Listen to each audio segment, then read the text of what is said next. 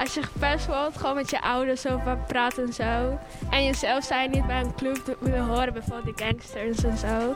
Gewoon je, je moet gewoon jezelf zijn. Welkom bij de podcast Straatgesprekken in Horen. Een vijfdelige podcastserie waarin we jou de stem van de straat laten horen. Deze podcast is gemaakt in het kader van Stadsgesprekken 2021 seizoen 1. Kijk en luister online met ons mee via hashtag SGHoren. Zo, welkom Wouter bij aflevering 5. We gaan het vandaag hebben over tijd. Tijd. En, en niet zozeer de tijd van wat is er in de tijd veranderd of in horen veranderd. Dat het te maken heeft met, nou, er is bijvoorbeeld meer groen gekomen of er zijn meer supermarkten gekomen. Maar we focussen eigenlijk meer op hoe gaan we met elkaar om in deze tijd? En hoe deden we dat in het verleden? Is daar iets in veranderd? Precies dat. En ehm, het kan ook zo zijn dat mensen dingen missen uit het verleden. Dus bijvoorbeeld het onderlinge contact, het er zijn voor elkaar, het elkaar groeten in de binnenstad. Ik ben benieuwd wat de mensen eh, te zeggen hebben op straat. En denk je nou zelf, ik wil graag ook meedoen met dit gesprek. Doe dat vooral en dat kan namelijk online via hashtag SGHoren. Ja, laten we de straat op gaan. Waar beginnen we vandaag? Waar gaan we naartoe? We beginnen in de Horense straatjes in het centrum. En we gaan later deze dag hopelijk ook nog dieper de wijken in om, eh, om daar te kijken hoe het gesteld staat met tijd en hoe mensen tegen het thema tijd aankijken. Ik ben benieuwd. Laten we gaan. Goeiedag, goedemorgen. Hallo, goedemorgen. Woon je in Horen? Ja, ik woon in Horen. Dus je bent, ben je er ook geboren? Uh, nee, Dat niet. ik woon sinds mijn zesde in Horen. Dus uh, nu meer dan 12 jaar eigenlijk. Heb je veel eh, zien veranderen in Horen? Is er veel veranderd in het verleden? Nou ja, qua stad niet echt. Ik vind wel dat de jeugd, zeg maar, qua uh, criminaliteit en kattenkwaad wel echt uh, omhoog is gegaan, zeg maar. En dat is ook jammer, want je voelt je nu ook steeds meer onveilig, zeg maar. En zeker in uh, de buurten zoals Grote Waal en Kersenbogert. Dat zijn eigenlijk wel de plekken dat je echt in de avond wel kan vermijden, zeg maar. Ja, vroeger was dat veel minder.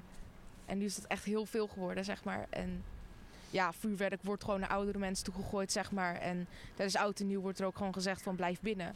Zou je iets kunnen noemen wat je dan echt mist? Dat, is dat die vrijheid eigenlijk? Bijvoorbeeld op zo'n moment van oud en nieuw? Zeker, maar ook bijvoorbeeld van, um, ik denk zo'n 10 à 8 jaar geleden zoiets. Toen waren er nog dingen te doen, zeg maar. Toen was er bijvoorbeeld een tienerclub en er waren allemaal uh, speciale gelegenheden en plekken voor jongeren om te hangen. En eigenlijk door uh, de verandering van de gemoedstoestand is dat allemaal ja, geschrapt. En dat is wel heel jammer. Ook wel mooi dat zij het naar haar persoonlijke leven toe trekt. Van wat is er veranderd? Vroeger was er heel veel te doen, net als de tienerclub. Maar nu ze dus wat ouder is, dus eigenlijk 18 plus, is er minder te doen. Misschien horen we dat nog wel vaker vandaag. Dat er minder te doen is voor 18 plus of 21 plus. Is er meer sociale cohesie als u reflecteert naar 43 ja. jaar geleden? Ja. Ja. ja, veel meer. Ook de, wat de bibliotheek te bieden heeft en uh, dat soort dingen allemaal, dat is, dat is meer uitgebreid. Ik weet niet of dat het tijdsbeeld is of dat dat alleen in Horen gebeurd is. Maar dat is duidelijk uh, meer cursusaanbod, uh, meer belangstelling van het gemeentehuis voor de personen, denk ik. En of dat ook in de tijdgeest is of hier Horen, weet ik niet. Maar er is inderdaad meer, meer te doen voor mensen en meer belangstelling voor, om mensen laten, te laten meedoen, heb ik de indruk. Zijn dat ook uh, verschillende groepen mensen die daar samenkomen? Is dat van jong Ja, tot oud of mensen met een andere cultuur bijvoorbeeld? Ja, nou, ik denk, ik denk zeker dat er voor de andere culturen uh, veel meer gedaan wordt. Ze proberen die er wel te bij te betrekken. Um, vluchtelingenwerk, maar ook um, die, die samen eten in die buurthuizen. Uh, voor tieners hebben ze, ik woon nu in de Grote Waal, dus voor tieners hebben ze toch ook activiteiten, de, de jongere werkers en dat soort dingen. En ik vind dat heel positief. Ja, dit is interessant. Het eerste voorbeeld gaf eigenlijk uh, de dame aan... nou, er is eigenlijk weinig te doen. Hier horen we juist, er is heel veel te doen. Er is veel sociale cohesie, er is een bibliotheek, er zijn cursussen. Er is steeds meer te doen. Hier horen we een erg positief geluid eigenlijk. Ja, klopt. En wat zij ook voornamelijk aanhaalt... is dat er dus meer belangstelling is vanuit de gemeente... voor die diverse groepen. Zoals het samen eten, maar ook vluchtelingenwerk... en activiteiten voor de tieners. Ik ben 14 jaar oud. 14 jaar oud? Ja. Woon je hier in de Kersenbogert? Ja. Hoe lang al? Bijna vier jaar. Vier jaar, oké. Okay. Ja. Wa want waar heb je daarvoor gewoond, als ik vragen mag? Uh, in Afrika. Oké, okay. en um, uh, heb je, had je toen wel het gevoel dat je eigenlijk uh, ja, toch wel makkelijk met elkaar op kon trekken hier? Via school of waar heb je vooral je vrienden leren kennen? Uh, op school en zo. Want je loopt hier ook met een vriendin. Die Ja. staat, volgens mij staat die hier te filmen. Maar Ja. hoe, hoe heb je die leren kennen? Op school. Ik wil gewoon famous worden, dat is toch leuk? Krij- krijg veel geld en zo. Ik kon in een villa wonen en zo. Zou je ook een soort van advies willen meegeven aan die jongere, aan jongere kinderen eigenlijk? Die nog eh, jonger zijn dan dat jij bent? Ehm, gewoon jezelf zijn. Als je gepest wordt, gewoon met je ouders over praten en zo. En jezelf zijn, niet bij een club willen horen, bijvoorbeeld de gangsters en zo. Gewoon je, je moet gewoon jezelf zijn. Hier nog een mooi voorbeeld van een nieuwe, nieuwe generatie, jongere generatie, die elkaar dus voornamelijk op school ontmoeten, zoals dit meisje aangeeft. Natuurlijk volgens mij dé plek voor jeugd om nieuwe mensen te ontmoeten en nieuwe vrienden te maken. Missen jullie iets hier in Horen? Als je kijkt naar het verleden. Nou, ik mis wel een stukje wat meer geschiedenis. Ja, Hoorn heeft een hele mooie geschiedenis. Ja. En in mijn beleving mag dat wel iets meer naar voren komen. En wat, eh, welk deel van de geschiedenis vind je mooi? Of zou meer belicht mogen worden? Nou, eigenlijk vind ik wel dat eigenlijk de hele geschiedenis... eh, ja, je hebt natuurlijk hier eh, het museum en ja. er is wel veel, maar ik zou het ook wel leuk vinden, wordt dat iets meer gepromoot. ja, Ik vind wel, eh, nou ja, dat laatst dat hele toestand over de standbeelden die wat weg moeten. Ja, natuurlijk op de Rode Steen staat er een standbeeld. En ik keur het echt niet goed wat er toen gebeurd is, maar laten we het weghalen en vergeten we de hele geschiedenis. Of laten we het staan en vertellen we wel wat er gebeurd is. ja, vertellen we gewoon het hele verhaal. Ja, kijk, ik bedoel, tuurlijk, er zijn echt voor- en nadelen, maar zonder de geschiedenis waren we er niet. Mooi, die vindt het dus eigenlijk een gemis dat de geschiedenis onderbelicht is. Ja, eigenlijk wel, ja. Op de vraag wat mis je nou uit het verleden horen we vaak een heel persoonlijk en individueel antwoord. Maar deze dame geeft eigenlijk ook aan van nou, ik vind eigenlijk wel dat het gemeenschappelijke goed meer belicht zou mogen worden. En dat is natuurlijk een heel mooi antwoord, maar dat gaat over ons allemaal en niet zozeer over een persoonlijk belang. Heb jij nog een advies aan de oudere generatie hier in Horen? De jeugd is wel wat mondiger geworden, maar ik heb wel zoiets. De ouderen hebben het niet altijd goed. Of ja, wij hebben een eigen zaak, of onze ouders hebben een eigen zaak. En ik merk gewoon heel erg dat het bij ouderen een beetje dat af en toe dat vorderingen is op jongeren. En als een jongere zegt: hé hey, mevrouw, ik stond eerder als u in de rij. Dat dat gelijk als heel brutaal wordt gezien, Ja. omdat ze een tegengas geven. Ja, Ja, dus ik vind eigenlijk ja, niet altijd even terecht, nee. Want ik vind, ja, als iemand bij mij voordringt, ja, waarom mag ik dat niet zeggen? Terwijl vroeger waarschijnlijk dat je opgevoed was van, oké, laat me zitten. Dat het voorheen, zeg maar, vroeger de mensen zich misschien wel nederiger opstelden. Hè? Van, oh, je bent ouder, dus ik luister naar je en ik doe eigenlijk wat er gezegd wordt. En dat eigenlijk tegenwoordig uit de jongeren meer op ja, gelijke hoogte komen te staan, als het ware. En dat daar de ouderen aan moeten wennen, als ik je mag samenvatten. Ja, ja, eigenlijk wel, ja. Dat, eh, dat heb je goed samengevat. Ja, dat is wel leuk dat die discussie tussen jong en oud eigenlijk weer terugkomt. En dit is inderdaad een mooi perspectief vanuit de jonge kant. En misschien horen we ook wel later eh, in deze aflevering van de andere kant het perspectief. Laten we even verder luisteren. in het voorgesprek vroeg ik aan u, bent u een Horinees? En toen zei u tegen mij, Nee, dat ben ik niet. Ik ben een kaaskop. ja, en waarom vindt u uzelf een kaaskop? Eh, nou, ik ben dus geboren en getogen in Alkmaar. En eh, ik woon hier inmiddels 45 jaar. Maar ik vind de term horenaar vind ik, eh, eh, discriminerend. En, ik voel mezelf geen tweede rangs burger. Dus vandaar. Nou, de jongeren wel, maar de oudere buitenlanders... Die hebben totaal niet. Die, die zitten nog in hun eigen cultuur vast. En dat vind ik wel eens jammer. En waar, Ja, waar daar komt kun u dat je ook tegen? geen gesprek mee hebben, want ze, verstaan je nauwelijks. En, en waar komt u dat tegen? Eh, onder andere op mijn volkstuin.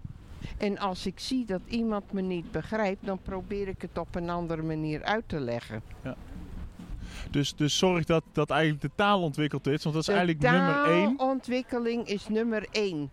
Ja, hier liepen wij natuurlijk ook een aantal keer tegenaan, Joost, wat deze vrouw ook aangeeft, dat het soms ingewikkeld is om met eh, mensen uit andere culturen te communiceren, omdat de taal nog niet volledig beheerst is.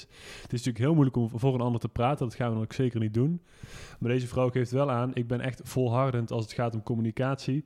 Al verstaan ze me niet, dan ga ik het op een andere manier proberen uit te leggen wat ik graag met hun zou willen bespreken. Dat is natuurlijk heel mooi dat die vrouw eh, zich daar zoveel inzet om in contact te blijven met anderen. Er is niet heel veel verandering in Kersenbogert. Eh Kersenbogen blijft heel erg hetzelfde. Er wonen ook dezelfde mensen. Ik, je ziet ook niet heel vaak in Kersenbogen ten huis te koop staan of te huur staan. Ze zijn altijd, iedereen blijft hier een beetje zodra ze er zijn. En die hebben dan een hele hechte groep met hunzelf. Dus Ja. Eigenlijk een beetje een select groepje, zeg je. Ja, eh. inderdaad. Ze blijven heel erg bij elkaar. En dan, die groepen kunnen ook nog wel eens een beetje ruzie maken. En dat zie je dan nog wel eens op straat, doordat je dan hele groepen tegen elkaar ziet schreeuwen. Maar over het algemeen is het inderdaad een heel select groepje dat hier woont en blijft wonen. En eh, de Kersenbokaart staat er ook al onbekend dat er natuurlijk eh, verschillende culturen leven. Hè? Mensen Ja. van een verschillende afkomst. Ik zat gewoon in de klas met alle, alle kleuren en alle afkomsten die je kon bedenken. Het was gewoon allemaal in één klas gemixt. Dus ik, ja, bij mij is het heel normaal erin gegroeid. Hey, er zijn ook mensen van die huidskleur en die huidskleur. En die zijn net zoals jij, die zitten gewoon samen met jou in de klas. Nou ja, sommige mensen missen dat. Ja, ik vind toch echt dat we dat wat meer moeten meekrijgen. Je ziet nog zoveel dat mensen nog weer een afkeur of een, of een eh, vooroordeel hebben over iemand met een huidskleur. Alleen maar omdat ze die huidskleur hebben. We zijn toch gewoon allemaal mensen. Waarom zou een huidskleur uit moeten maken? Deze jongen vertelt aan ons dat hij het eigenlijk tijdens school heeft ervaren als zijn we zijn allemaal één. Maakt niet uit welke huidskleur we hebben. En toch maakt hij op in de wijk dat er echt groepen zijn die zich soms ook wel eens tegen elkaar, tegenover elkaar opstellen in negatieve zin. Ehm, dus op school wordt het wel op de juiste manier aangeleerd. Ik ben al vanaf 73 uit Nederland eh, gekomen. Uit- Ik kom uit eh, Turkije. Oké. Ik, toen ik eh, 14 was hier eh, Uh-huh. gekomen. Zo, ik dat is ben jong. echt een Horenees, zeg maar. Ik ben rechtstreeks in Horen gekomen. Ja, 50 jaar al. Bijna 50 jaar nou. Ja. In jouw sociale kring, hè, in de mensen om je heen, zijn het ook voornamelijk Turken of zijn het ook veel Nederlanders? Hoe ziet jouw sociale kring eruit? Nou, eh, ik heb eh, wel een hele goede buren, vrienden, kennissen. eh, ook eh, vrienden Nederlands eh, gehad eh, natuurlijk. Ja. Weet je wel. eh, ook Turkse mensen natuurlijk. Eh, familie, eigen familie worden groter natuurlijk. Hè. Ja. Vroeger was het één gezin, zeg maar. Nu heb ik eens eh, open geworden. Ik heb de, eh, drie kinderen, ze zijn ook getrouwd. eh, zijn eh, groter geworden, weet je wel. Ja. Vroeger was er heel veel meer eh, met de Nederlanders, eh collega, vrienden eh, samen. nu wordt het iets minder. Nou, Nederlandse vrienden zijn ook eh, getrouwd. Ze zijn ook eh, eh, Ja. opa en oma. Ja, het wordt gewoon groter. Je netwerk wordt groter. in- Inderdaad. Grappig, want deze man heeft het dus weer over die groepen, over sociale kringen. En dan geeft ze aan, vroeger was het meer gemengd, maar naarmate steeds meer mensen uit onze familie hier naartoe komen. Eh, en de families worden groter, want mijn kleinkinderen krijgen weer kinderen, et cetera, et cetera. Wordt die groep dus ook hechter en groter. Of blijft die groep dus ook steeds meer die groep? Wat is jouw advies eigenlijk aan de jongere generatie die nu opgroeit? Bijvoorbeeld kinderen als jouw kinderen, of misschien nog jonger, misschien je kleinkinderen. Wat, is, wat zou jij aan hun willen meegeven? Kijk, onze kinderen, onze kleinkinderen, ze zijn nog beter gaat eh, leren van, eh, als ons, zeg maar. Snap je? Ik ben niet school geweest hier. Ja. Mijn kleinkinderen, mijn kinderen is ook nog school geweest. Ze zijn eh, veel meer eh, dingen doen. Dus, eh, ze- onze kleinkinderen gaat het nog hoger leren natuurlijk. Hè? Dat Ja. gaat afwijken. Dus ze blijven gewoon in Nederland eh, cultuur eigenlijk eh, ook bij. Ook onze cultuur, Turkse cultuur hebben ze ook gehouden. Eh, ook Nederlandse cultuur. Ja, de nieuwe generaties die je ook noemt, zijn kinderen, zijn kleinkinderen, die mengen eigenlijk ontzettend. Ook vooral op de scholen geeft hij aan. Ja, en hij zegt aan, ze hebben dus een Turkse cultuur en een Nederlandse cultuur. En eh, doordat ze naar school gaan, krijgen ze dus ook die Nederlandse cultuur heel erg mee, waar ze thuis echt vanuit dat Turkse opgevoed worden. Dus daar hebben we eigenlijk al die wisselwerking waar we het eerder over hadden. Ja, dus daar komen eigenlijk die onderwijsinstellingen komen daar weer in terug. Hè, en eh, in die tijd, eh, zeker in de ja, begin jaren 80, eind jaren 80, de sfeer was anders. Het was gezelliger. Was, ja, je woonde allemaal in een nieuwe wijk. Hè, en je woonde allemaal eh, met hetzelfde probleem van we moeten elkaar leren kennen. Dat is het verschil. Mooi, dus eigenlijk, eh, eh, dat, heeft misschien, dat is misschien ook wel het stukje wat u mist nu van Ja, toen. Ja, Dat zeker. het toen wat kleiner was, wat knusser. Dat u bij de schoenmaker naar binnen kon lopen, Ja. praatje kon maken. En nu lijkt het allemaal iedereen wat anoniemer te zijn. Iedereen leeft op zijn eigen eilandje.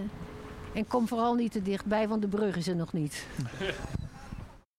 Ze geeft aan dat de sfeer in de wijk anders is. En iedereen had voorheen, toen ze daar kwamen wonen, toen de wijk eigenlijk nieuw was, had eigenlijk dezelfde probleem of dezelfde opgave. Namelijk, iedereen moest elkaar leren kennen. En nu is dat natuurlijk anders. Omdat er verschillende groepen eigenlijk natuurlijk al, al over de tijd heen al veel langer wonen. Exact. En de wijk uh, is in 1982 ontstaan. Gingen de eerste bewoners trokken in de wijk. Dat is inmiddels 40 jaar geleden. En dat is eigenlijk de tijd die verstreken is. En dus ook het verschil in tijd. Ja, en het is denk ik belangrijk dat er ook uh, plekken blijven in de wijk waar dus nieuwe mensen elkaar leren kennen. Ja, dit hebben we eerder gehoord. Dus de bibliotheek draagt eraan bij, cursussen dragen eraan bij. Dat is allemaal belangrijk. En dat soort plekken, wijkcentra's, dat zijn volgens mij centrale plekken om dus die nieuwe mensen te leren kennen in die wijk. Voor sommige groepen, want sommige wonen dus al heel lang en heel, heel erg gevestigd in een bepaald netwerk. En voorbeelden daarvan zijn samen koken of die koffiekar in de wijk, waar mensen elkaar uh, kunnen ontmoeten met een gratis kopje koffie. Ja, klopt. Naast al de mensen die we spontaan op straat tegenkwamen, zijn we ook enorm benieuwd naar jouw perspectief. Hoe kijk jij naar dit thema? Praat mee in de stadsgesprekken en dat doe je online via hashtag SGHoren. Deze podcast is gemaakt in het kader van Stadsgesprekken 2021, seizoen 1. Leuk dat je luisterde en tot horens.